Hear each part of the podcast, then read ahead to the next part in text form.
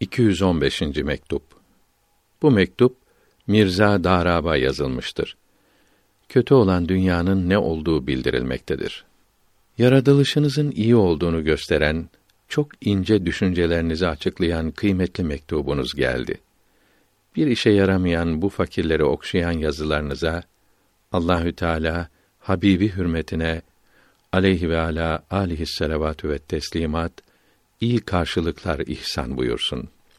Yavrum, bu dünyaya düşkün olanlar, mal para peşinde koşanlar, büyük bir belaya yakalanmışlardır. Büyük bir derde tutulmuşlardır. Çünkü bu dünyada bulunan Allahü Teala'nın beğenmedikleri şeyler ve her pislikten daha kötü olan pislikler bu kimselere güzel görünmektedir. Sevimli sanılmaktadır. Necaseti yaldızlamak, zehiri şekerle kaplamak gibidir. Allahü Teala insanlara akıl verdi. Akla bu alçak dünyanın kötülüğünü anlattı. Allahü Teala'nın beğenmediği şeylerin çirkinliğini gösterdi. Bunun için alimler buyurdu ki, bir kimse öldükten sonra malının zamanın en akıllı olanına verilmesini vasiyet etse, zahide vermek lazımdır. Çünkü zahid dünyaya düşkün değildir. Onun dünyaya kıymet vermemesi aklının çok olduğunu gösterir. Allahü Teala çok merhametli olduğu için yalnız akıl şahidini vermekle kalmadı. İkinci ve nakli şahit olarak da peygamberleri aleyhisselam verdi.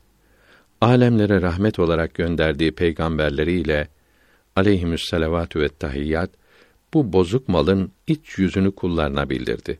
O yalancı kahpenin cilvelerine aldanmamalarını, ona tutulmamalarını açıkça emir buyurdu.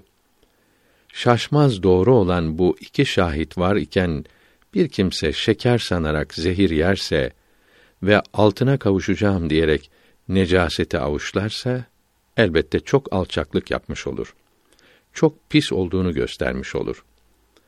Peygamberlere aleyhisselatü ve tahiyyat inanmamıştır. Müslüman olduğunu söylese de münafık olur. Onun Müslüman görünmesi ahirette faide vermez. Yalnız dünyada canını ve malını korumuş olur. Bugün kulaklardan gaflet pamuğunu atmalıdır. Yoksa ahirette ah etmekten, pişman olmaktan başka yapılacak şey olmaz. Halinizi sık sık bildiriniz. Farisi Beyt tercümesi Canım yavrum, sana sözüm yalnız şudur.